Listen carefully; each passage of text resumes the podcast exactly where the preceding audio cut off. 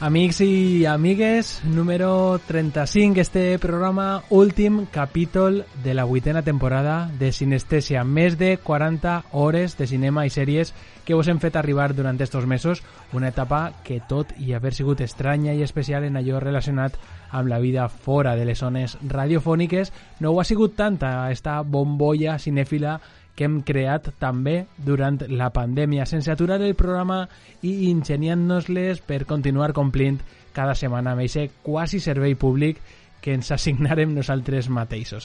Este viatge ha arribat a la seva fi, però només és un punt i seguit. Això ja vos ho afirmem. Anem amb l'últim capítol d'esta temporada de Sinestèsia.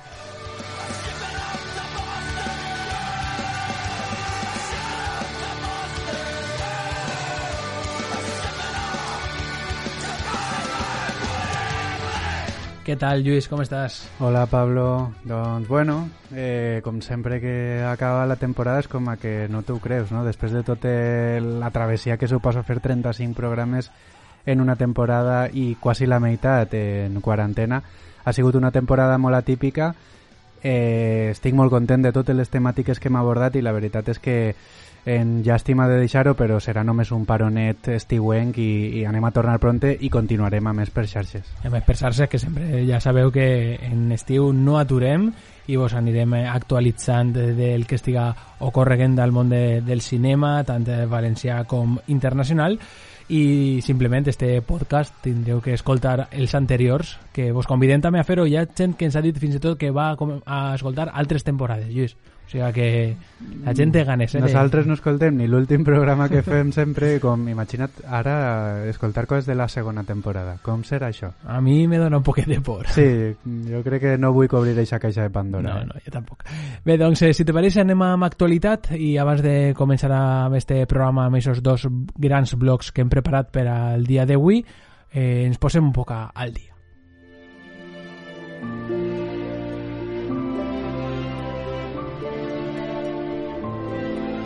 I tenim eh, notícies, Lluís, dels Òscar. Sí, en este cas és perquè amplien el seu període d'elecció de pel·lícules, que ara serà des de l'1 de gener de 2020 fins al 28 de febrer de 2021. La cerimònia dels premis es realitzarà el 25 d'abril i les nominacions eh, s'anunciaran un mes abans, el 15 de març de 2021. Eh, mm -hmm. Tot això si el Covid ho permet, vull dir que tots els no plans ha... eh, sempre estan un poquet en l'aire, però vaja, eh, tots estan agafant lloc i agafant dates per a de cara a l'any que ve, la primavera, que s'espera que estiga la cosa un poquet més calmada, i ja tenim els Òscar. Ara veurem què s'estrena en el que queda d'any, com funcionen les pel·lícules al cinema, les taquilles, eh, tot això també és una incògnita que anirem desvelant en els propers mesos. No s'han arriscat eh, a que la única pel·lícula candidata a l'Oscar sigui Sonic. The Hedgehog. Eh, no, no s'han atrevit a que siga la, la pel·lícula amb més premis de la història superant a, a lo que el viento se llevó. Doncs Però no. vaja, eh, veurem, veurem què passa no? amb, amb este tema. I mira, eh, parlant d'estrenes, de, sí que tenim ja cosetes, cosetes a l'estat espanyol. Hermanita, que esta noche tampoco llego con los nanos. A ver, por favor, ¿les das tú la cena? Venga, venga, Rosita, venga, venga, mira, mira, ya está. Yo le pego un telefonazo, pero pásate tú por el piso, ¿eh? Y controla. Si te parece una xicoteta radiografia de com està el cinema valencià, tant eh, les pròximes estrenes de cinema com també els rodatges, podem eh, tractar-les en, en uns minutets, Lluís, ja que deixem eh, l'actualitat durant les pròximes setmanes a este podcast i estàvem escoltant el tràiler de La boda de Rosa, l'últim treball de la directora Iciar Boyaín que va decidir rodar esta comèdia a, a capital i també a altres pobles com Picassent, eh, Silla, Benicàssim i ja hi ha data d'estrena, serà el 21 d'agost. Doncs sí, la pel·lícula inaugurarà la secció oficial del Festival de Màlaga i és una bona notícia, no queda molt per veure-la. I a banda eh, Iciar Boyain és una grandíssima directora i, i segur que veig en la pel·lícula descobrirem que coneixem moltes de les escenes i les localitzacions on ocorre la, la trama. Així que l'esperem moltíssim, només hem d'esperar cosa de dos mesets. I, i també n'hi ha una altra que, que m'ha sorprès perquè ja no comptava en que s'estrenaria mai o parlaríem d'ella, que és la següent. Meet Owen and Zoe. Day after day, they wake up and go through the same old routine. I'm eating dog biscuits for a job. Your dad has me eating dog biscuits. You know, kind of. Biscuits for dogs. Una pel·lícula que s'estrenarà en Netflix, eh, Lluís, però tu ja has vist, perquè tu vas per davant. Vaig dos anys per Dos davant. anys per davant, eh?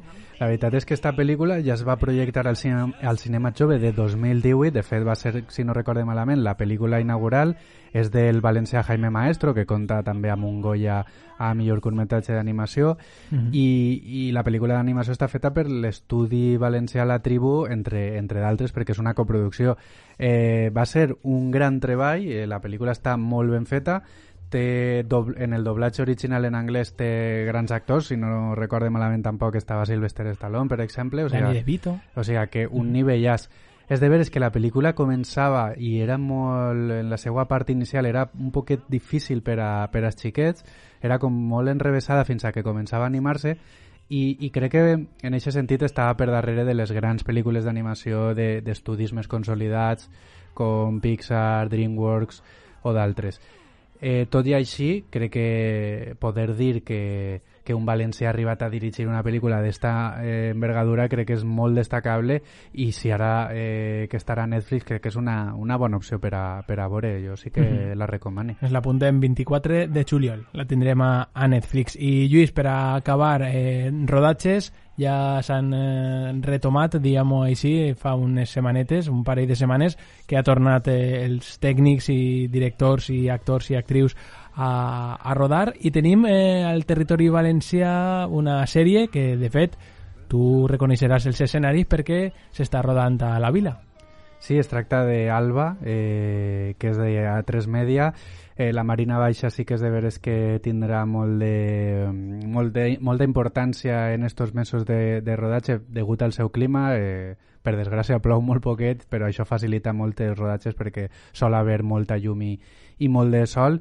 També a, a la veïna Benidorm eh, est- està localitzada l'última pel·lícula d'Isabel Coixet i, i d'altres eh, sèries moltes vegades, eh, inclús des del Regne Unit, es roden moltes sèries, ja que ells Benidorm sí que la, la coneixen molt. Així que anem a, a tindre tot el territori valencià representat eh, properament. L'altre dia llegia que hi ha unes 140 sol·licituds a Film València per a rodar pel·lícules i sèries en este any. O sigui que és València escenari de, de moltes pel·lícules i sèries que venen per, per davant. Eh, Fa poquet comentàvem El silencio del pantano, una pel·lícula on estava rodada íntegrament a, a la ciutat de, de València i que, com sempre, dona goig no només veure les localitzacions per on passegem molts de nosaltres diàriament, sinó també que se reivindique no? la nostra terra, que no només és la capital de, de València, que tot el, torri, el territori dona per a fer qualsevol tipus de, de pel·lícula en qualsevol gènere, qualsevol situació històrica, fins i tot, no? Em Recorde aquella penyíscola que s'utilitzava per a pel·lícules de, com el Cid, no? Exacte, és, és, no és només el paisatge, és també el patrimoni històric, eh, els castells, platja, muntanya, eh, la climatologia, aquests llums de, de sol natural ajuden moltíssim als rodatges i les facilitats que després puguen posar a nivell institucional. També parlàvem d'aquesta internacionalització gràcies a, a la tercera temporada de Westworld que mm -hmm. van rodar diverses jornades a la ciutat de les Arts i les Ciències, que és una icona, però vaja, com dius, crec que no hi ha que quedar-se només en València ciutat perquè és que tenim una barbaritat eh, d'escenaris. Bé, doncs, eh, feta la secció de- d'actualitat, eh, si vos pareix, eh, hem decidit fer dues grans seccions en este programa. La primera d'elles eh, serem nosaltres eh, qui ho conduguem, però sobretot sou vosaltres, els, eh, els que escolteu Sinestèsia eh, setmanalment, qui sou els protagonistes, perquè vos hem demanat que escolliu un tema que voldríeu que parlàrem a este últim capítol de la temporada i d'aquells que ens heu oferit hem elegit tres. Si vos pareix, escoltarem què ens ha proposat Andreu, Míriam i Jesús. Eh, en primer lloc, eh, el tema proposat per Andreu Fabregat, que va ser el primer que, que ens va enviar aquesta sol·licitud, i ens diu la individualitat front al col·lectivisme al cinema, que pareix eh, un, un, un títol d'una tesi, Lluís, que també donaria per una tesi, i a més, escoltant a Andreu, podria escriure-la a ella. Se li donaria bé, se- seria de matrícula d'honor. Eh? La veritat és que sí, la seva intervenció és meravellosa. Si vos pareix, l'escoltem. Hola Pablo, hola Lluís, amics i amigues de Sinestèsia, què tal? Com va la desescalada? Cada vegada ens fer més cosetes, no? Cada vegada som més lliures. Bueno, este confinament ens ha fet reflexionar a tots molt sobre la llibertat i la veritat és que és un significant molt de cine, perquè clar, és un significant molt americà, ja sabem que cine i Estats Units han sigut carn i ungla, no?, en tot el segle XX. Si vos dic, no sé, Segona Guerra Mundial, el relat i les imatges que vos venen al cap, bàsicament seran les que ens ha contat Hollywood. El cas és que als americans els encanta això de la llibertat, en parlen molt, és com una insígnia de l'American Way, un mite fundacional, i sempre va associada, com no, a la llibertat individual. Llibertat podria significar moltes coses, sí, però en gran part el relat guanyador és que significa individualisme.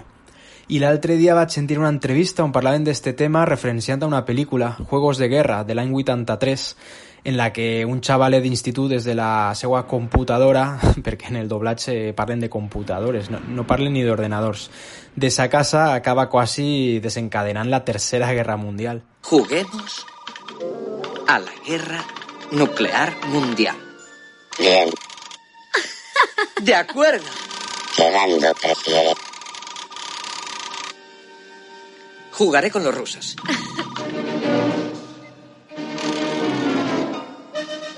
Designa objetivos principales. ¿Qué destruimos primero? Ah, espera. ¿Qué te parece Las Vegas? Las Vegas. Estupendo. ¿Y qué más? Seattle. Sí, destruyelas.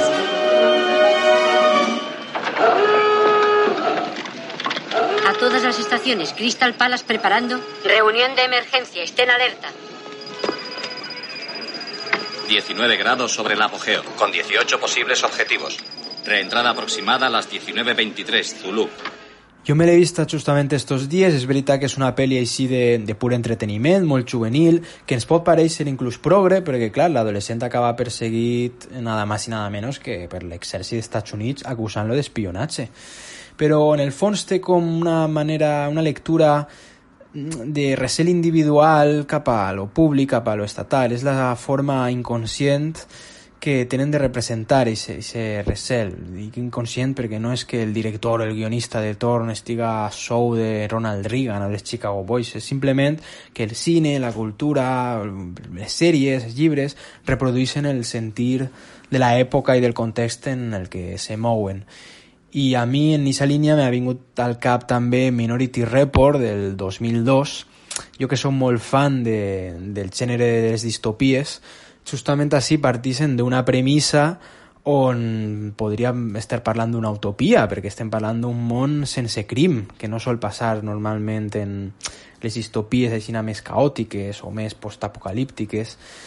Però, clar, eh, aquesta perfecció d'un estat que arriba a eliminar el, el crim perquè s'avança al que va a passar, xoca molt amb el concepte de, de la llibertat individual i al final és eixa la moral que, que vens en la, en la pel·lícula.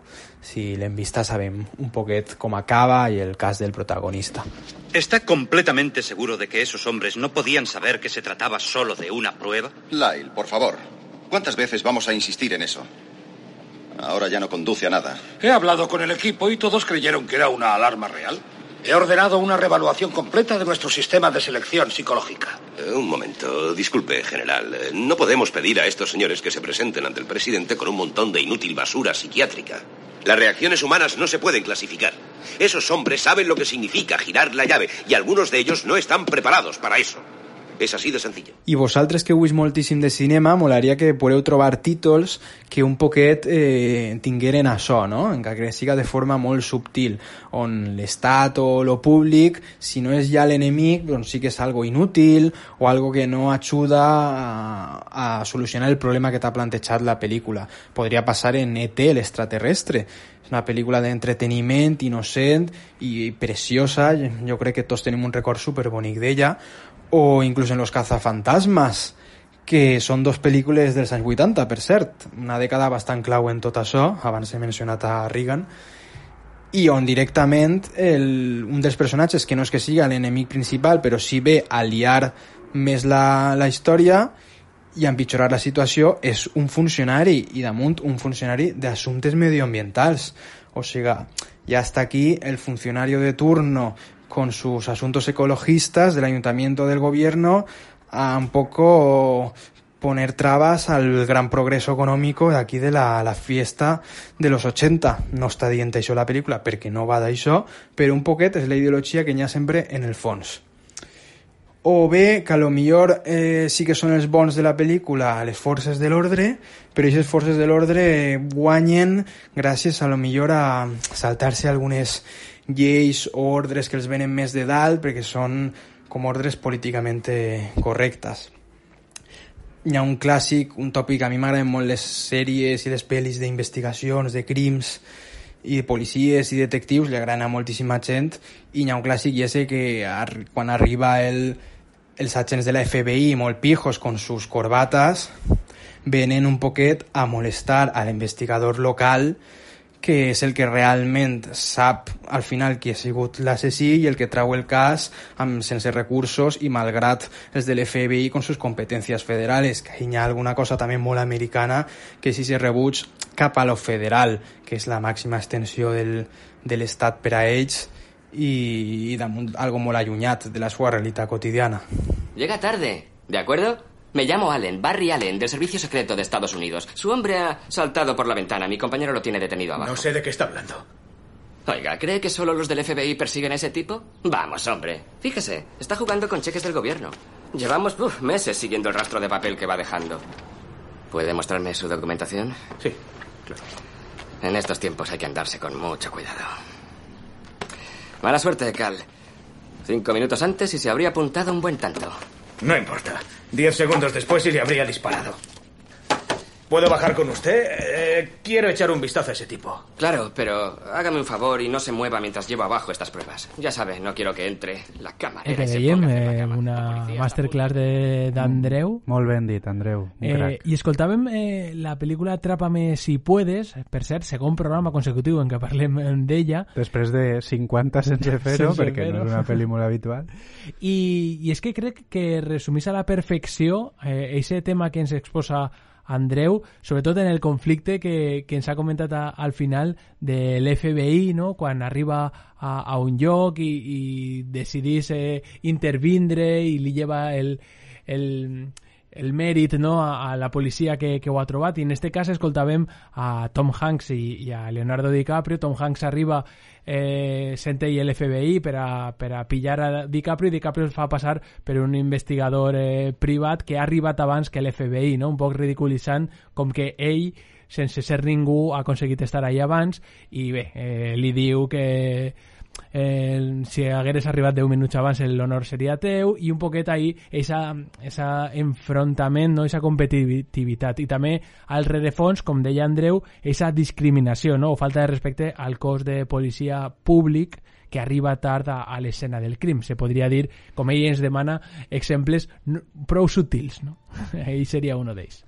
També és, és que és molt interessant el que es planteja a nivell polític. Sí que és de veres que hi ha com una espècie de subgènere a les pel·lis o les sèries americanes que és on l'FBI és el protagonista i és un cos molt professional i que, bueno, no només Expediente X, no? però que això ja se'n va un poquet, però sí que n'hi ha varis en aquest sentit. Però sí que és de veres que també al mateix temps està el, exactament el contrari, no? quan de vegades no ja només la policia més local, sinó inclús algú que ni, si- ni tan se val és policia deixa en evidència a l'FBI. Crec que tenim una barbaritat de casos.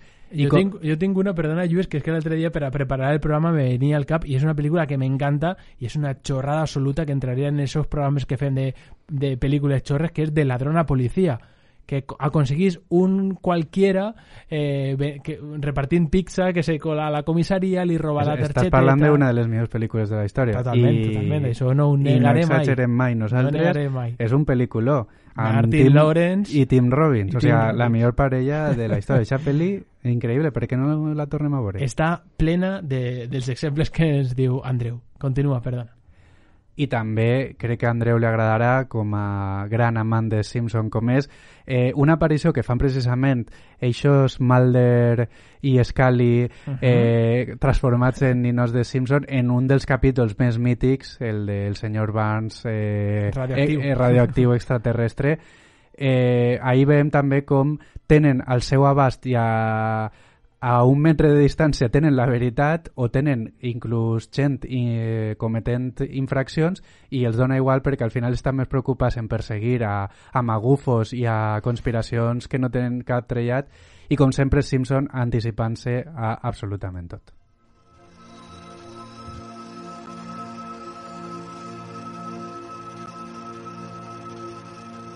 Bien, Homer. Quiero que reconstruya cada uno de sus movimientos la noche que vio al extraterrestre. Bueno, la velada comenzó en el club de caballeros cuando discutíamos sobre Schopenhauer mientras jugábamos al backgammon. Señor Simpson, es un delito mentir al FBI. Me senté con Barney a comer paquetitos de mostaza, ¿le vale? Usted es una mujer atractiva, señorita. Si no estuviera casado, le estaría tirando los tejos ahora. Oh.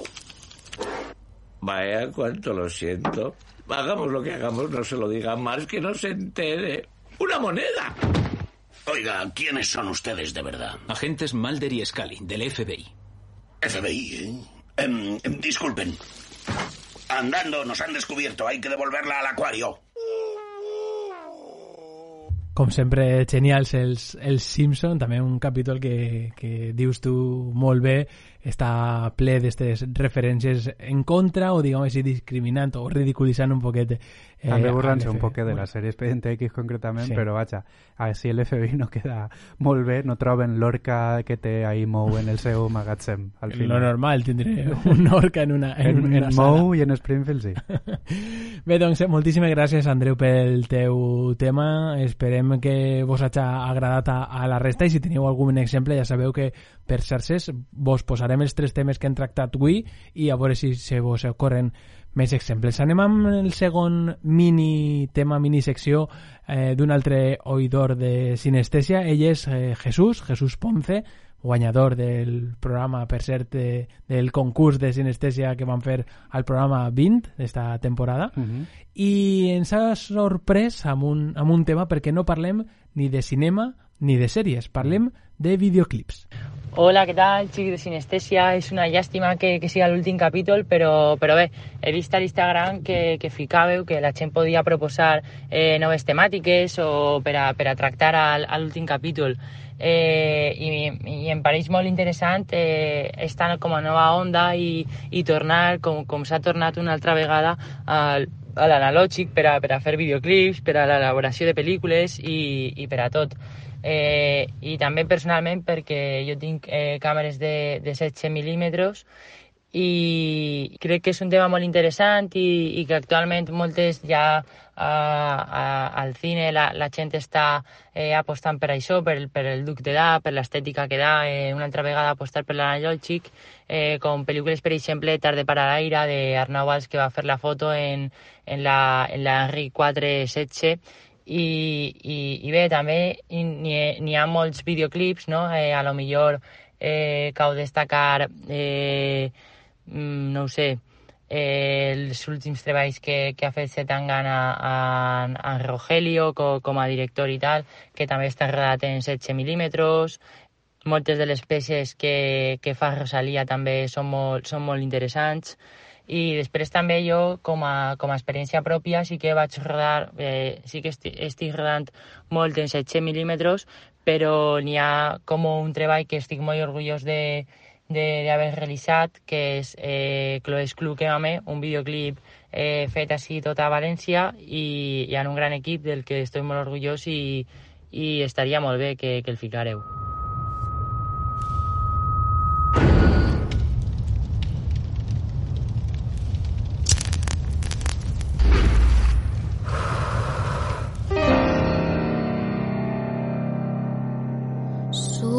Sé que siento ser salvaje.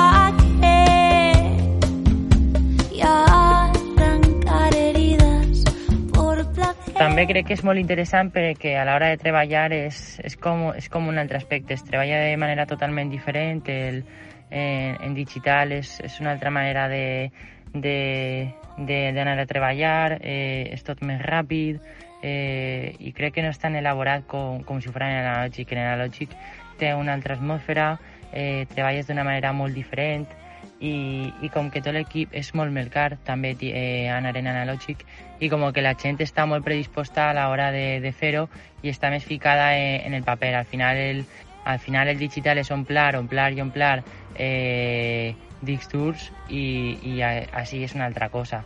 La manera de treballar és com, com fer cine de veritat, és, és una altra manera i, i jo crec que a l'hora de treballar és, és molt millor.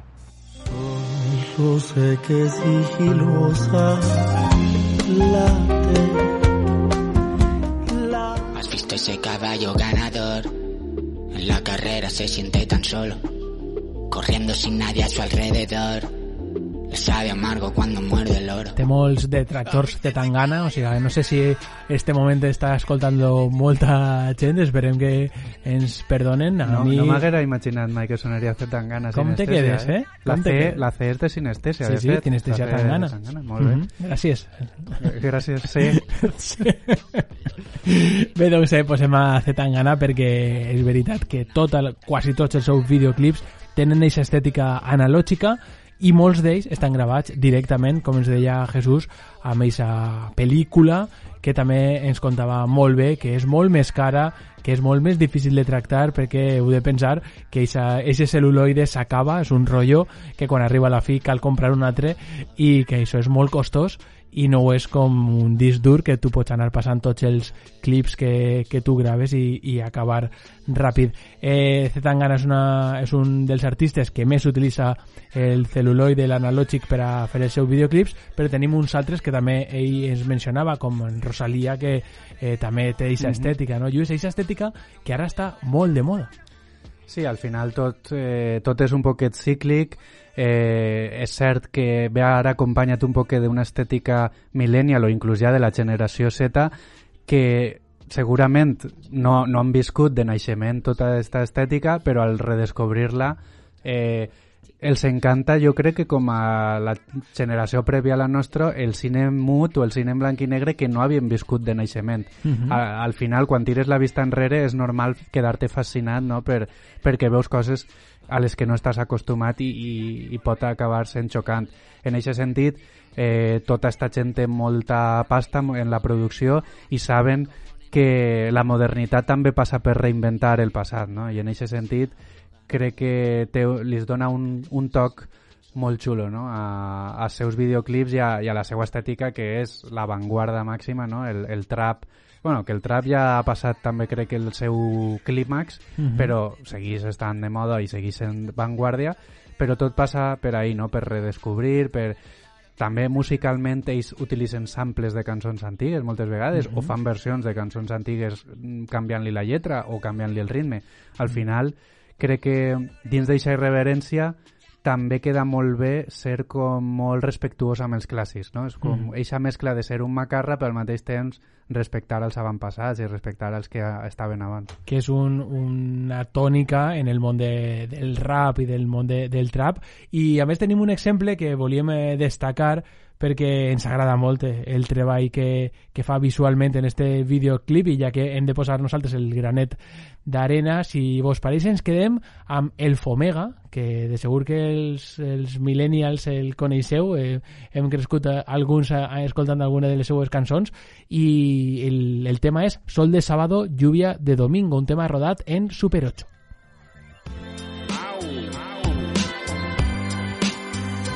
Buenos días. ¿Por qué no abrirse al mundo y mirar? Voy contigo. Digo, digo, digo. Wake up, wake up. El viento trae ecos de césped recién cortado. El sol Dir també que té molta trampa eh, el, el tema de l'analògic perquè ara mateix amb el món digital es pot simular a la perfecció que has rodat en, en analògic i, i a vegades per a, fins i tot als ulls experts és difícil de reconèixer si aquest celuloide realment eh, és original o és un efecte de, del, del programa no? o sigui que també té aquesta doble vessant, no? el, el món digital, que ens enganya en tot, en això i en moltes coses també més, però que és això, que a vegades no, no ho reconeixem. L'era actual, eh, una de les coses que jo crec que la defineix una vegada ja superat eh, l'aparició d'internet i de que tot el món ho tinga, és eh, l'era dels filtres, vull dir, Mhm. més enllà també dels emojis i de, i de les xarxes socials. Ara és l'època de d'això, de passar-ho tot per un filtre que ho faça tot més bonic o que ens identifique o que ens done eh, una identitat eh, extra, no? Mhm. En aquest sentit, també li pega, no?, passar-ho tot per un filtre de Super 8 o de lo que vulguis, no?, o de blanc i negre, amb tocs de color, amb el que siga. Efecte VHS, que també se va posar molt de moda, O no? quan va de iniciar el trap. Ficar cares d'animals en les persones. Eh, Mhm. Bueno, també tindria la seva gràcia en aquest sentit, encara que fora eh, digitalitzat, no? Mhm. Doncs eh, moltes gràcies, Jesús, eh, per esta secció que ens proposaves, eh? molt interessant i molt que, que rebuscar també per ahir. I per últim, acabem amb Miriam.far, que ha contactat amb nosaltres a, a través d'Instagram i ens proposava molts temes. Ella va fer una Sí? llista enorme. És la que més s'ho va currar, Sí. eh? Ho hem de dir. I entre tots els temes que ens has donat, doncs hem elegit uno que ve molt fresquet per a l'estiu que, que es ve per davant, tot i que potser no pot, ser- pot ser que no prengam, puguem prengam fer-nos ninguno, perquè parlem de còctels de cinema. L'escoltem. Hola amics i amigues de Sinestèsia. Les meves escenes preferides del cinema sobre còctels diria que són tres. Eh, Sex a Nova York no necessita presentació, tant a la sèrie com a les pel·lícules. Així el Cosmopolitan és una beguda que representa el luxe i l'exclusivitat en la vida de les quatre amigues. A més, sol aparèixer en tot tipus de reunions perquè qualsevol moment del dia és bo per a celebrar-lo juntes. I si m'he de quedar en una única escena Cosmo, pues, diria que pot ser la pel·lícula del 2008, a l'aniversari de Samantha, quan parlen de l'excitant que es pot que és poder veure aquest combinat i aprofiten per a fer un gran brindis. Delicious. Why did we ever stop drinking this? Because everyone else started. Well, that one's an oldie but good. And speaking of an oldie but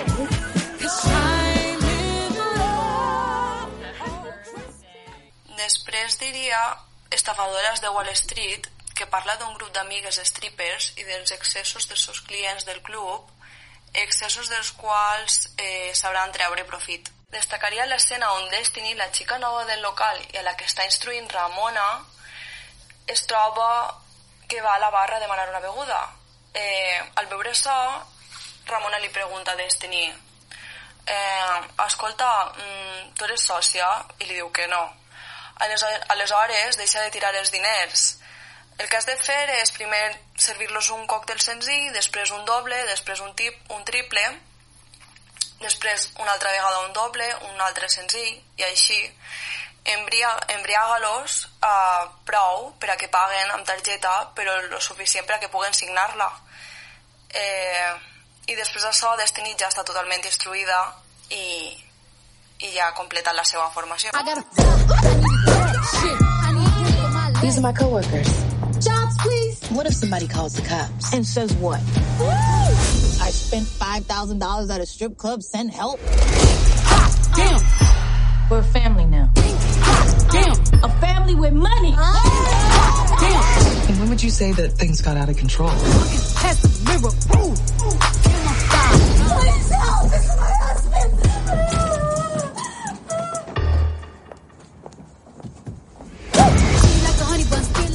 I acabar diria eh, la pel·lícula Crazy Stupid Love, que és una comèdia romàntica i intel·ligent. És una, en una escena de la pel·lícula en la que dos personatges principals s'acaben de conèixer, eh, Jacob convida a sa casa a Hannah i es disposa a seduir-la. El primer que fa és posar música ambient i preparar un còctel, un Julien, a base de whisky, i podem veure en detall eh, la cuidada elaboració. El que segueix aquest moment és molt representatiu del to de la pel·lícula, pues, és una comèdia romàntica amb molts moments anticlimàtics i molt divertits.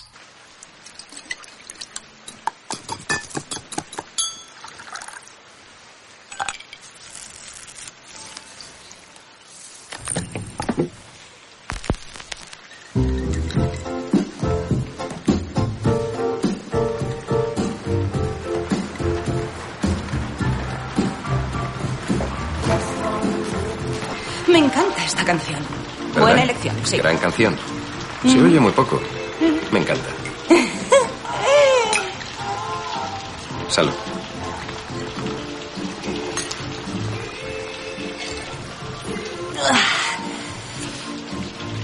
No es lo que suelo beber.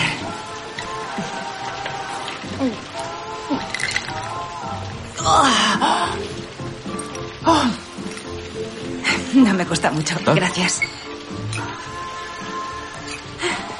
Doncs moltíssimes eh, gràcies, eh, Míriam, eh, per esta masterclass de còctels. Estos tres exemples que, que ens poses són super clarividents. I, Lluís, nosaltres que hem de posar del nostre granet en, en cada secció, eh, ella ha obviat els tipiquíssims i no sé si nosaltres hauríem de mencionar-los. Anem a mencionar-los encara que siga, no? Jo eh, també he de dir que m'encanta que fora tan específica i Mhm. anar-nos a un tema del qual tampoc pensava que, que parlaríem mai i crec que, bueno, crec que pot ser que siguen tipiquíssims però està bé recordar-los perquè són mítics i pot ser hi hagi gent que no hagi vist aquestes pel·lícules. Eh, jo pense, Pablo, si a tu te diuen còctel al cine, en quin penses? O quins penses? Doncs eh, el tinc així preparaet perquè còctel, còctel, doncs còctel. Un martini. ¿Y cómo se hace? Hay muchas formas de engañar a un cliente. Ya lo aprenderás todo. Sí, buena. Donde hay mujeres hay pastas. Y si consigues verles el color de las... Doncs eh, Cocktail, Tom Cruise eh, protagonitzant aquella pel·lícula en què ell fa de barman i que comença com hem escoltat en el, en el tràiler sense saber ni preparar un martini i es converteix en el, El màxim, màxim eh, malabarista, eh? Te'n recordes, no? Sí, sí, sí. Una... És que, clar, no podien posar la pel·li única que es diu Còctel. I Mhm. em flipa també que algú decidirà fer una pel·li d'esta història. I... Quan el va proposar la productora va dir que gran idea, no? no I s'ha fet mítica, eh? Perquè No, no, la imatge òbviament. d'ell de, darrere de la barra fent aquells eh, trucs de, de cocteleria era, era mítica. I un altre mític, Lluís, si m'ho permetis, si m'ho Jo crec que permetis... este és el que més, diria. Jo crec que és el que més. El que ve ara. Molt molt. Un martini seco con corteza de limón sacudido, no agitado.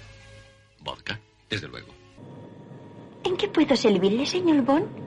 Mm, eh, un traguito. Un martini. Sacudido, no agitado. Eh, batido, no agitado. Le gusta así, ¿verdad? Perfecto. Suerte. Un martini para nuestro invitado Olimpia. Sí, señor. Agitado, no revuelto. Descuide. Y un Campari para mí. La señora tomará un Bacardí con hielo. Para el caballero, un martini con vodka batido en coctelera. Touché. Batido en coctelera, agitado, no agitado, eh, Jo al final ja no sé lo, com li agrada. increïble el que passa en, en James Bond i sobretot en el doblatge, perquè a la versió original es diu agitado, no batido, no? Ell el que vol és que se junten però que no li dones un aire.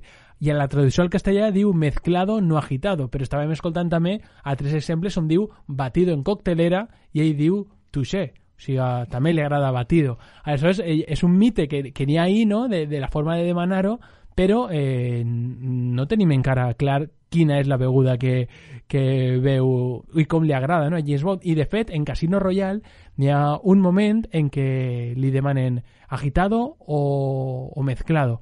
I diu, creus que tinc cara de ara mateix preocupar-me això? O sigui, que li dona igual, no? I és un poquet un guinyo també Aprofitaven per a trencar un per a trencar ese tal. Ja que era un reinici de la saga i era el primer James Bond de rubio i Mhm. no sé què, total, físicament diferent a, Trenca tot. a la resta. Al millor el pròxim James Bond, que serà segurament eh, negre, li agraden els margaritas, no? O, els Petit Suisse. el Petit Suisse. Els d'Anacol, estos. I també eh, ell el demanava sempre en vodka i diuen els experts que cal demanar-ho eh, amb ginebra per a que siga el dry martini perfecte. O sigui, que matar dolents, el tio era el jefe, però beure còctels eh, no tant. És que no tenia temps. No, No sé si te dones. Jo crec que va provar una vegada uno i li quedava molt guai la frase i sempre el deia.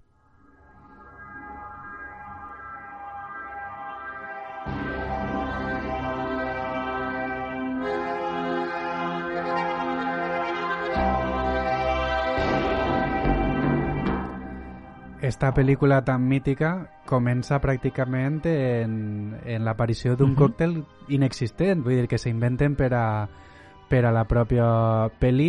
Es tracta de La naranja mecànica, la pel·li mítica de Stanley Kubrick, que comença eh, en este bar atemporal amb una decoració del tot eh, Extravagant. extravagant eh, amb eixe protagonista tan inquietant, els seus ulls, eixe plànol que va cap a, cap endarrere per a veure tot el seu context, i és este còctel, el Moloco Plus, eh, fet amb llet i amb, I amb... amb alcohol, que això també t'he de dir, que al meu poble també se fan còctels amb llet, eh, però bueno. Eh, diguem que que és interessant este perquè és una invenció en una pel·lícula que està basada, òbviament, en, en el llibre, eh, s'inventa molt de vocabulari i Mhm. aga agafat de varios idiomes, o sigui que també este còctel és una mescla de, de coses d'ací i d'allà perquè el que volia transmetre era precisament aquesta temporalitat. I si ho poses a, a internet tens la recepta, eh? O sigui que podeu fer-vos un Moloco Plus a, a casa amb llet, que seria l'últim que em prendria jo. Que a la peli... Bueno, tu, el que la llet a seques, també ho portaries mal. Però en la pròpia peli diuen que estimula per a començar la nit, eixes nits d'ultraviolència que, que diuen a la evening. I acabem, Lluís, amb un altre còctel que segur que, que te sona la pel·lícula, a veure, de, a veure si l'endivines. Por favor, ¿cómo dicen aquí banana daiquiri? Banana daiquiri. ¿Igual? Igual. Tráiganos un banana daiquiri. Banana daiquiri. Y un vaso de soda. T'he deixat el tema final per si Sí. no ho tenies massa clar. Sense la cançó no sé si ho haver endevinat. Jo crec que... Bueno, ara faria falta endevinar si és la 1, la 2 o la 3. Mm, és però... la dos. Per algun accent que, que ha sonat per ahí, jo crec que la 2. Sí, és la 2. Doncs eixe banana daiquiri que, que es demanen en el Padrino. Eh, també moltes gràcies a, a Míriam per esta secció tan, tan divertida que hem fet que recordar algunes eh, pel·lícules i alguns eh, moments que no, no havíem pensat mai mai en ells i gràcies a, a Míriam doncs hem pensat en còctels. I Lluís, acabem esta secció amb una cançó que m'has ficat així perquè és un... Eh, s'ha provocat una situació que hem de resoldre d'esta manera tan, tan bona, no? Que és... Doncs és que normalment ja sabeu que acabem els programes amb una cançó que ens recomaneu a través de Twitter i quan vam demanar cançons ens van arribar tantes que ens donava per a fer 36 programes, però com Ah. eh, anem a fer 35, teníem dos cançons finals. Però quina casualitat que una d'eixes dos venia de Miriam Farr, que precisament ens proposava eh, el tema dels còctels. Així que anem a fer una cançó final que ens servisca un poquet d'interludi, d'interme- d'intermedi, ens recomana eh, la, el tema principal de la pel·lícula Lion, aquesta pel·lícula eh, australiana eh, molt, molt sensible, molt bonica, molt interessant. Així que aprofitem i tanquem este cercle de participació d'aquestes seccions vostres amb la pel·lícula que ens recomanava Miriam Farr i al final del programa tindrem una altra.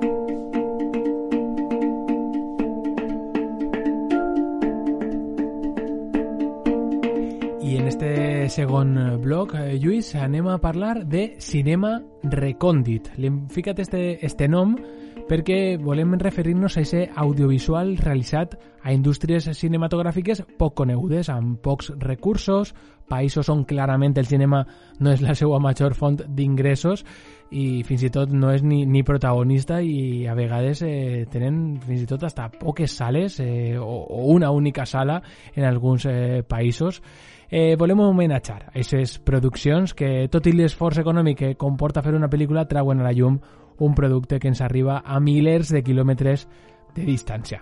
Elegirem entre els eh, cinc membres de Sinestèsia una producció recòndita del planeta que creguem interessant de recomanar i si vos pareix, doncs comencem amb Lluís. Lluís, a quin país ens fas eh, viatjar avui? Doncs un país que crec que és poc conegut, ja me diràs. Lesoto.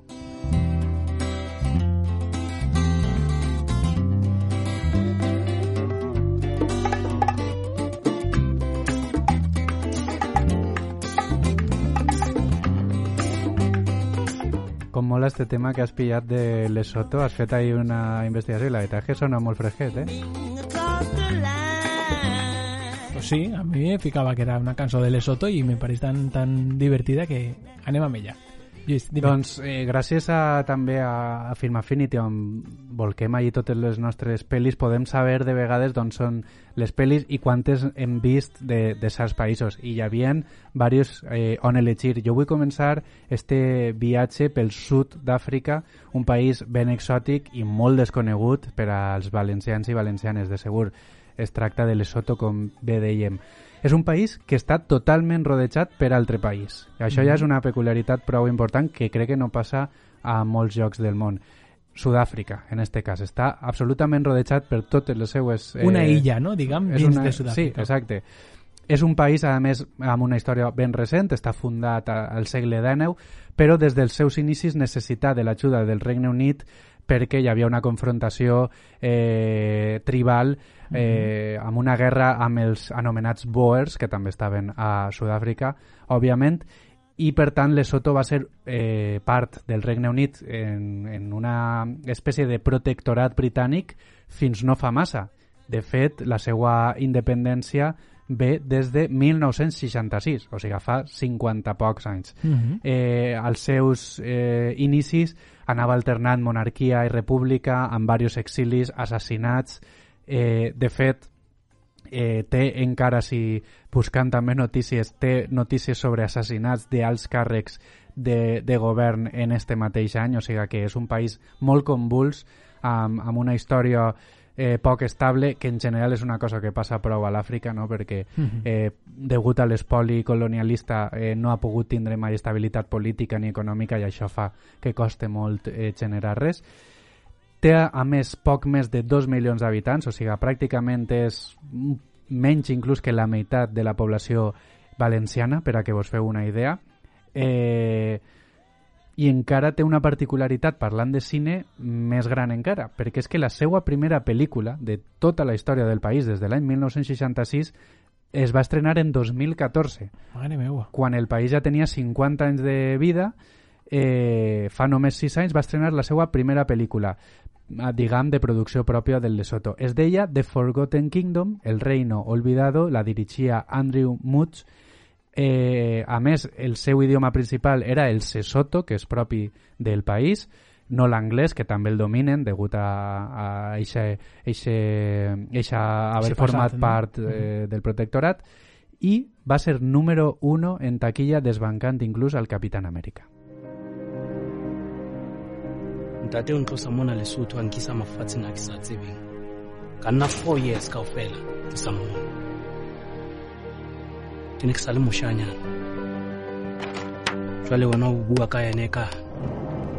Flipante, Lluís? Eh, la història de que un país tinga la seva primera pel·lícula a 2014, eh? A més una, una pel·lícula que sí que ha arribat a, a Europa, no?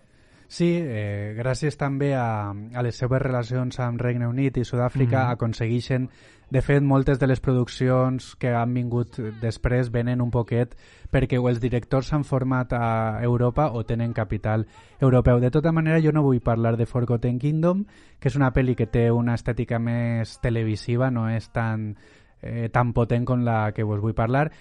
Cinc anys després de la seva primera pel·lícula, arriba al 2019, This is not a burial, it's a resurrection. I no és la primera vegada que parlem d'ella perquè eh, després de triomfar al Festival de Sundance eh, van tindre l'oportunitat de veure-la gràcies al Festival Docs Barcelona Mhm. d'este mateix any que damunt estava a Filmin.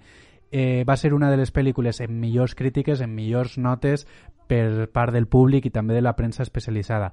Esta pel·lícula és la bomba, vull dir, no només perquè siga de Lesotho, un país recòndit o un país amb pocs recursos, és que conta una història que posa els pèls de punta, la d'una dona que ha perdut a tots els seus avantpassats, el seu marit, inclús al seu fill, que encara tenia esperances de que estiguera viu i rep la notícia de que no, i, i ja l'únic que vol és morir-se ella i que tots els seus avantpassats i coneguts i familiars estiguen amb el seu poble, no? Eh, tornar, diguem, a les arrels i, i que la seva vida eh, després de la mort, diguem, quede eh, enllaçada al lloc d'on són.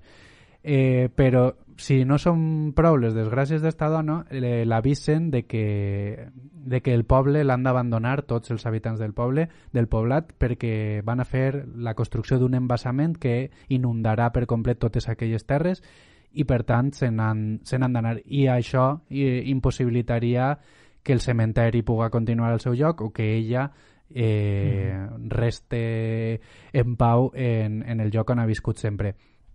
La fotografia d'esta pel·lícula és impressionant, té uns plànols que no te creus que siguin veritat, eh, uns paisatges increïbles, l'actuació de la dona protagonista posa els pèls de punta en tot moment, o sigui que no hi ha que ser paternalista en este tipus de cinema perquè és que està molt ben rodada, el guió és molt profund, funciona a diversos nivells, òbviament és un poquet lenta i no estem acostumats al cinema africà, però és que crec que val molt la pena, molt recomanada.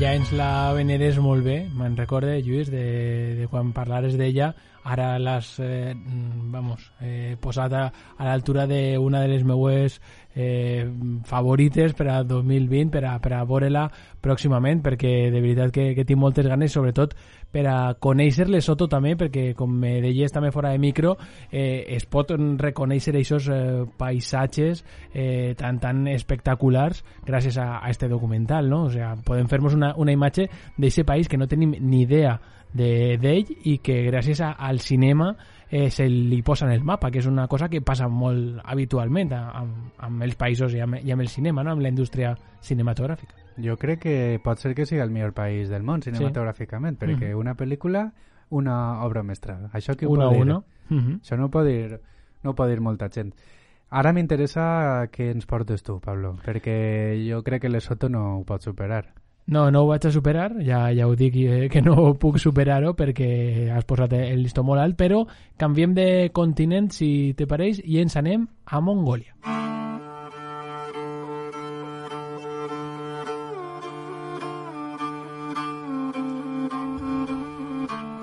També un país on la història d'ell mateix és molt recent, va declarar la seva independència a 1924 però va estar eh, lligat eh, molt estretament a l'Unió Soviètica, així que molt del cinema que es va fer pels soviètics va ser rodat a Mongòlia i viceversa. Està a punt de complir els 100 anys. Ho dic per si vols que anem, que sí. en 4 anys, jo crec que en 4 anys podem estalviar i anar a Mongòlia. Podem a celebrar el, cent, el, celebrar el, cent, el centenari ahí en Kuala Lumpur. M'encantaria. Eh? O el Ulan Bator, eh, millor. Bator, millor. millor.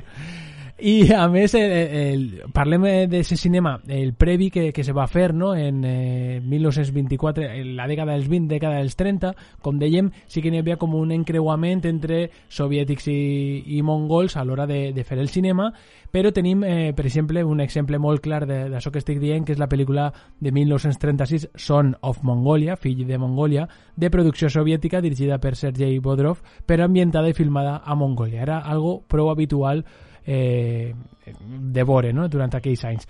La indústria cinematogràfica pròpia com a tal eh, eh, va aparèixer però eh, molt, molt més eh, després, ja quasi al segle XXI, perquè, com dèiem, eh, les pel·lícules eren una coproducció sobretot amb Xina també i amb eh, la Unió Soviètica o després amb Rússia. En este segle XXI tenim eh, pel·lícules de certa notorietat. La veritat és que fa poc parlarem al programa, en esta temporada, de fet, de la pel·lícula El huevo del dinosaurio. Uh -huh. Te recordes, no? Sí, que, sí. que va ser estrenada este any 2020, que parla, Tenia bona pinta. que parla sobre un cadàver que es troba a una estepa de, de Mongòlia i s'han d'esperar allí tota una nit per a que arribi la policia i durant aquesta nit cal protegir a aquest cadàver de tot el que, el que n'hi ha en una, en una estepa de Mongòlia una pel·lícula també molt lenta molt eh, bé, que Contemplativa. descriu contemplativa, que descriu el, el paisatge i aquestes actituds de, passives són, jo crec que a Mongòlia no n'hi ha pressa per No. viure, no? que és el que sol passar en, en, en països eh, que no estan eh, desenvolupats a nivell tecnològic o que, que no n'hi ha pressa per viure i aleshores ho prenen tot amb calma i el cinema també és un reflexe d'això no? i per això no estem tan acostumats a, a que ens agraden aquests tipus de, de pel·lícules no? és un cinema molt contemplatiu En general, les cinematografies allunyades d'Occident són totes lentes perquè crec que tenen una altra manera de viure de, en el seu dia a dia. Eh, Mongòlia tenia un passat nòmada, un país eh, molt poc poblat eh, a nivell de densitat perquè és molt gran i no té Mhm. tanta població. Eh, crec que això també afecta a la nostra manera de, de veure i de crear. Doncs el huevo del dinosaurio va ser espigador a Valladolid i va estar a la secció oficial de, de Berlín i, bueno, com dèiem, la, la majoria de produccions mongoleses no són mm, pròpies com a tal, sinó que n'hi ha una coproducció, en este cas col·laborava Xina perquè el seu director era d'este país, de, de Xina, era Wang Quan. I en, un cas quasi idèntic que eh, la pel·lícula eh, Sueños del Desierto, 2007. En esta ocasió la coproducció és compartida amb Corea del Sur, d'on és el seu director, Zhang Lu. Bé, en realitat, Zhang Lu és, va néixer a Xina, però té la doble nacionalitat xinesa-coreana. El nom vos sonarà més xinès que, que coreà i per això aquesta doble nacionalitat. També va estar present al Festival de Berlí, com va córrer amb el huevo del dinosaurio, i també eh, va ser una pel·lícula que va arribar a, a Europa i a, i a les nostres sales gràcies a aquest recorregut, a aquest circuit de festivals que la posen, la donen aquesta visibilitat, no? Eh, la pel·li que jo he elegit, que de fet hem vist els dos, Lluís, eh, me'n recordo de veure-la a la universitat, perquè mm, anem a contar una anècdota, un, un KitKat. Eh, a la universitat, eh, una vegada a la setmana, si no recorde malament, eh, al pis elegíem eh, la pel·lícula random i anàvem a, a la biblioteca i era el, el, el DVD més estrany o, o més curiós o, o, o que aleatòriament havíem elegit. I este va ser eh, vam veure-la gràcies a, a ese xoc que crec que va durar una setmana Sí, crec que va perquè ser la result- manera d'iniciar el, este el resultat no va ser molt bo eh, a veure anem a aclarar-nos val? la pel·lícula eh, que vaig a, a parlar-vos és la història del camello que llora. La història del camello que llora a mi aquest títol no pot ser eh, dolenta. És lenta, això sí. Molt molt lenta, sí, també però és que el cinema de Mongòlia cal prendre-lo, com dèiem, amb molta paciència, perquè l'adjectiu positiu podríem dir que és contemplatiu, l'adjectiu negatiu seria conyazo, però anem a quedar-nos amb aquest contemplatiu. Eh, jo sé que a tu, Lluís, no te va agradar res, també la vas veure en una època que eres un rebelde. Era immadur. Si ara la vegeres eh, t'agradaria un poc més, però sí que hem de reconèixer que la història de Camello que llora és, és una història eh, molt bonica però dura de, de veure.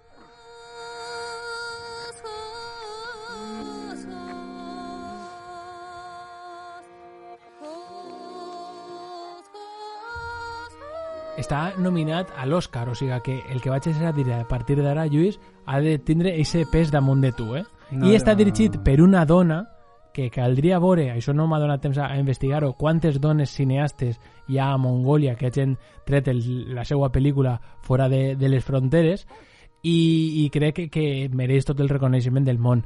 Miam Basuren Davà és la directora de la història del camello que llora, per si voleu buscar coses d'ella. Què recordes d'esta pel·lícula? Eh, recorde que anava sobre un camell al vi, no? I, Així és. i ja està.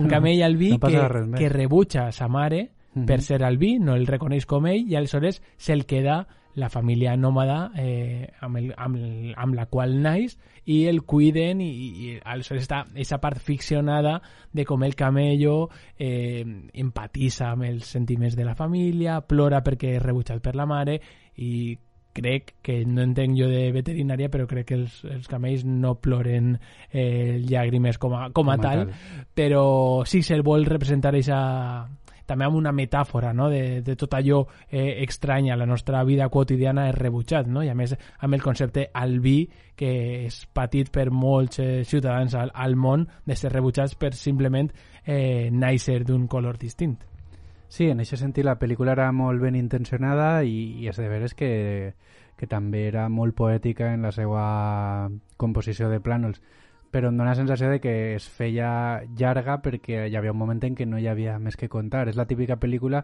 que saps la conclusió d'ella als 20 minuts i per tant els 60 següents és anar repetint les conclusions una vegada darrere una altra. I crec que per això em va molestar eh, no per el seu tècnicament o, o per la història que, que crec que és molt xula però ja te dic, si hagués sigut un curt de 15 minutets pues Mhm. igual, bueno, no estaríem així tampoc però Bé, doncs, eh, és un poc la meva recomanació, sobretot, com dèiem, per a conèixer un país, també és molt interessant veure la seva filmografia, i tant eh, El huevo del dinosaurio com Sueños del desierto, com també la història del camello que llora, la podeu eh, visionar si, si vos interessa.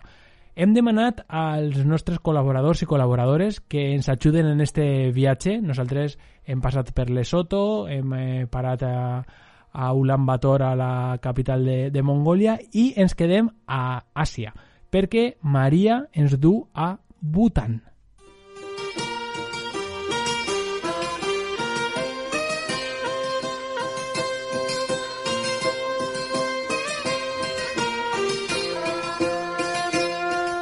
Doncs eh, Maria ha elegit eh, Bhutan i alguna pel·lícula ha de recomanar-nos d'aquest país. Si vos pareix, l'escoltem. Oli, Pablo.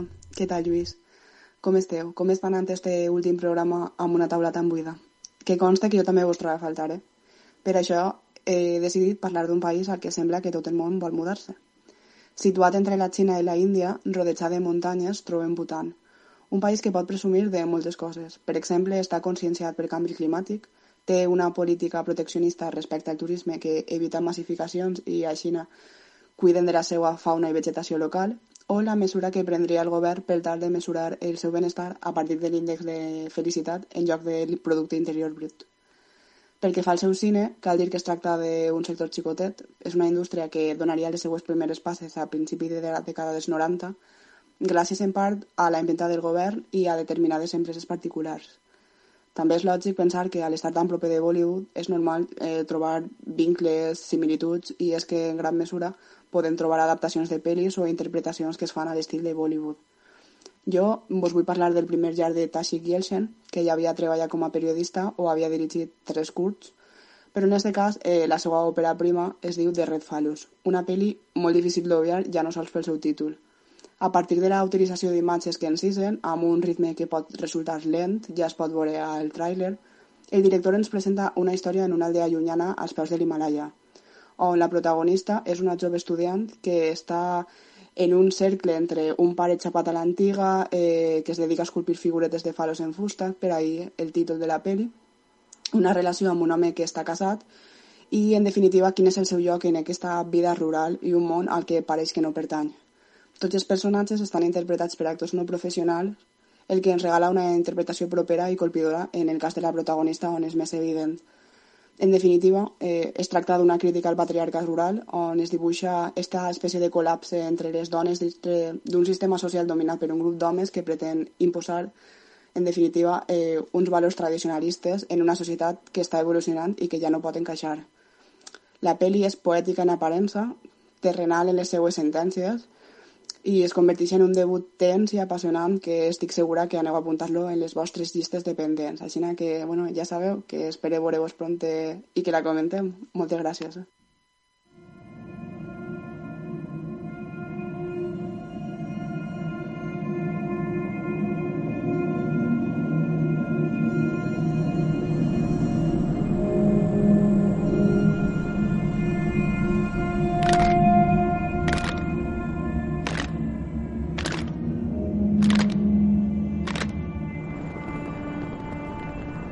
Doncs eh, moltíssimes gràcies, eh, Maria. Estàvem escoltant de fons aquest tràiler lent. El disseny. De Red Falus. Eh, a Bhutan n'hi ha una, un amor eh, total pels, pels penis, perquè tenen una predilecció per aquesta búsqueda de la, fertili de la fertilitat, no? De fet, n'hi ha un, un temple dedicat en exclusivament a, a la fertilitat i, i a l'adoració d'aquest falo sagrado, algo que, que tenen ells molt, molt, molt, molt dins de la seva cultura. Normal, és que al final... Qui no els la tindria, no? doncs eh, molt interessant el, el país i la cinematografia moment, que es proposava. De moment és la pel·li més estranya de les tres, pense. O sigui que uh -huh. només Manu pot eh, trencar esta, esta victòria de Maria en Bhutan. A Manu li agrada esto, estos reptes que, que li proposem i ens diu que per què no quedar-nos també en Àsia, que avui anem a, a recórrer-nos la de pe a pa i ens n'anem a Laos.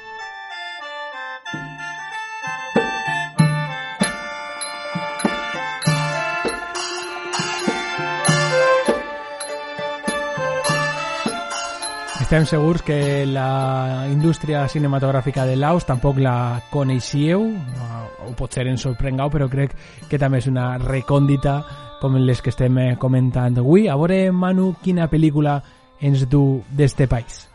Hola amigos y amigues de Cinestesia. Bueno, yo voy a hablar de la película The Long Walk dirigida por Matty Tu en un país con una industria cinematográfica muy pequeña pero emergente. Se trata de Laos, país del sudeste asiático donde la industria del cine está controlada por el Partido Comunista que censura las películas nacionales y controla la exhibición de películas extranjeras. Esta situación ha provocado que haya muy pocas salas de cine en todo el país y en consecuencia muy poca cultura cinéfila. Los cineastas se ven obligados a trabajar en producciones de muy bajo presupuesto dedicando mucho esfuerzo a evitar los diferentes mecanismos de censura que prohíben palabras malsonantes, escenas de sexo, drogas, y cualquier mención o lectura política. Sin embargo, en los últimos años han surgido una nueva ola de directores que, pese a seguir contando con presupuestos bajos y tener que ingeniárselas para evitar la censura, han conseguido estrenar sus películas tanto a nivel nacional como internacional. Hablamos de directores como Anisai Keola, Fomsana Siribosa y Mati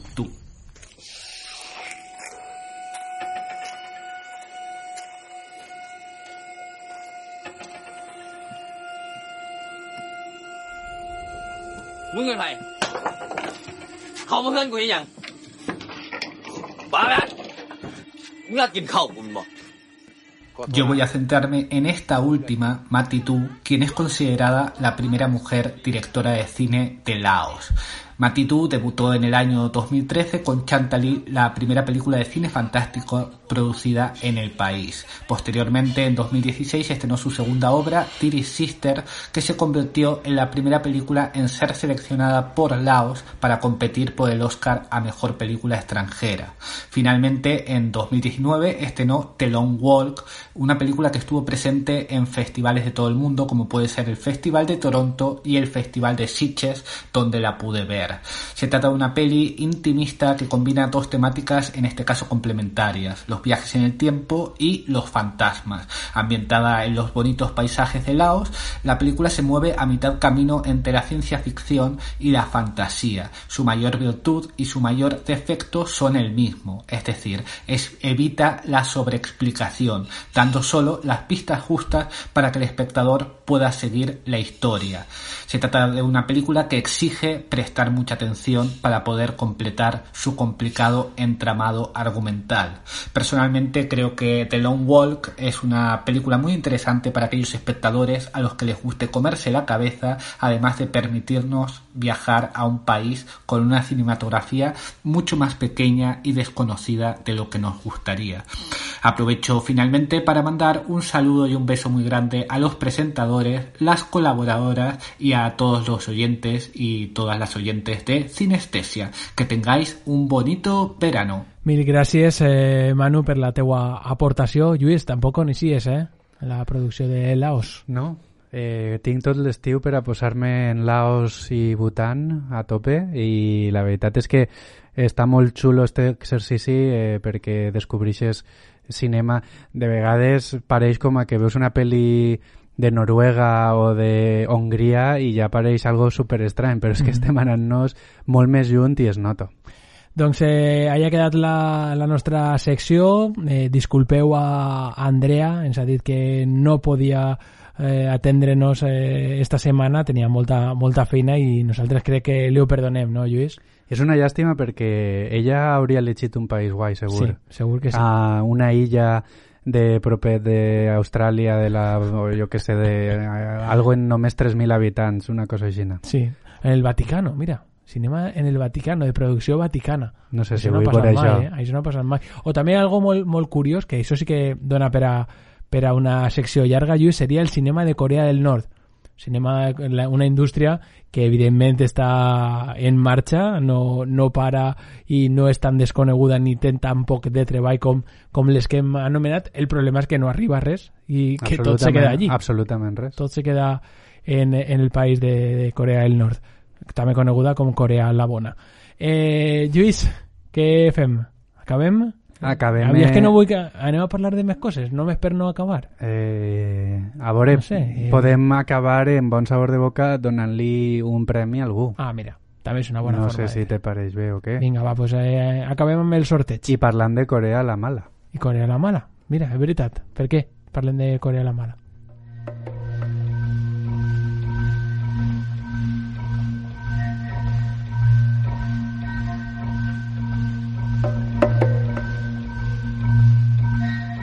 Inquietante, ¿eh? Això. Temazo.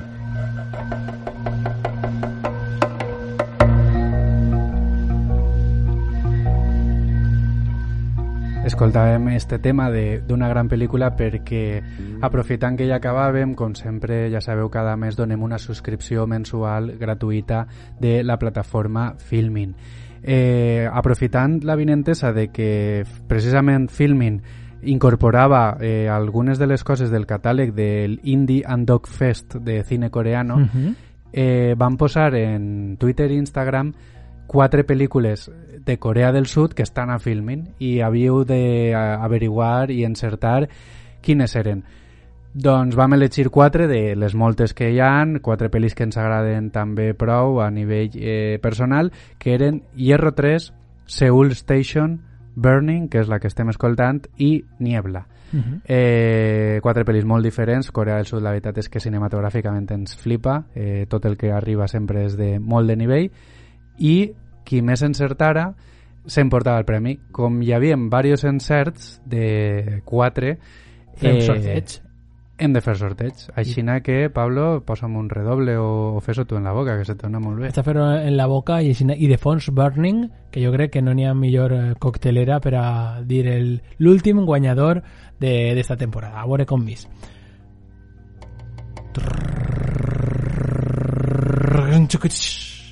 Brutal. I el guanyador eh, d'una subscripció mensual de Filmin és Albert G. Gilsbert, perquè és un poc dif difícil de pronunciar, que va encertar a través de Twitter. Moltíssimes gràcies, Albert. Ens Molt bé, posarem Albert. en contacte amb tu i t'enviarem la subscripció el més pronte possible. Moltíssimes gràcies. Doncs eh, moltíssimes gràcies Albert i a tota la gent que ha participat i no només en este concurs sinó en altres que, que hem fet i també, com no, per xarxes socials que esteu molt actius i actives. És una llàstima eh, tindré que acomiadar-nos ja d'este programa, d'esta temporada, però això sí, recordar-vos que continuem per xarxes amb contingut, eh, fent-vos riure, passar una estona, conèixer eh, noves coses al voltant del cinema i les sèries i com sempre diem també, aprofitem este estiu per a eh, veure molt de cinema. Ens acomiadem, Lluís, amb una cançó final, la última cançó d'esta temporada. De qui és? Eh, ens la recomana eh, Sheldon Cooper, eh, que moltíssimes gràcies perquè també sol estar sempre comentant-nos prou per les xarxes, així que t'ho agraïm un muntó, amic. Ens ha recomanat Satisfied Mind de Johnny Cash, que sona a la segona part de Kill Bill. Uh -huh. O sigui que un plaer acabar amb, amb este tema d'esta peli, també ens alegra molt de que sigues tu i amb esta cançó acomiadem la vuitena temporada de Sinestesia. Pablo, tu te ho creus? Estàs ahí com si te ho cregueres. Jo no m'ho crec, que s'acaba ja la temporada. Bé, el que no me crec és tot el recorregut que, que ja portem 10 anys amb este projecte, tot i que siguen 8 temporades, portem 10 anys en, amb, treballant diàriament eh, amb, este, amb este projecte que, recordem, ens ho paguem entre tu i jo està totalment eh, de manera altruista i que eh, nosaltres el, el preu que se'ns paga és que la gent responga, que la gent participi, que la gent eh, li agrade el nostre programa i amb això estem més que pagats. Així que moltíssimes gràcies de nou a totes i tots i ens escoltem la setmana que vinent, no, el, la temporada que vinent. La temporada vinent, ja veurem, en xarxes ens seguireu trobant, esperem que també participeu, a veure si també hi ha alguna sorpreseta que sempre ens agrada eh, allargar un poquet l'experiència. Eh, Pablo, un plaer, com sempre, compartir el programa en tu. Moltes gràcies també als col·laboradors, a Jordi, a Ràdio Godella i a la resta de la xarxa. I, eh, com sempre, ja sabeu que visquen les sèries i que visca el cinema. Moltes gràcies per estar ahí. Adeu. One rich man in ten with a satisfied mind. Once I was winning in fortune and fame. Everything that I dreamed for to get a start in life's game. Then suddenly it happened. I lost every dime. But I'm richer by far with a satisfied mind. Money can't buy back your youth when you're old, or a friend when you're lonely or a love that's grown cold. The wealthiest person is a pauper at times compared to the man with a satisfied mind. When life has ended and my time has run out, my friends and my loved ones believe there's no doubt. But there's one thing for certain when it comes my time. I'll leave this old world with a satisfied mind. How many times have you heard someone say, if I had his money, I could do things my way. But little they know that it's so hard to find one rich man in ten with a satisfied mind.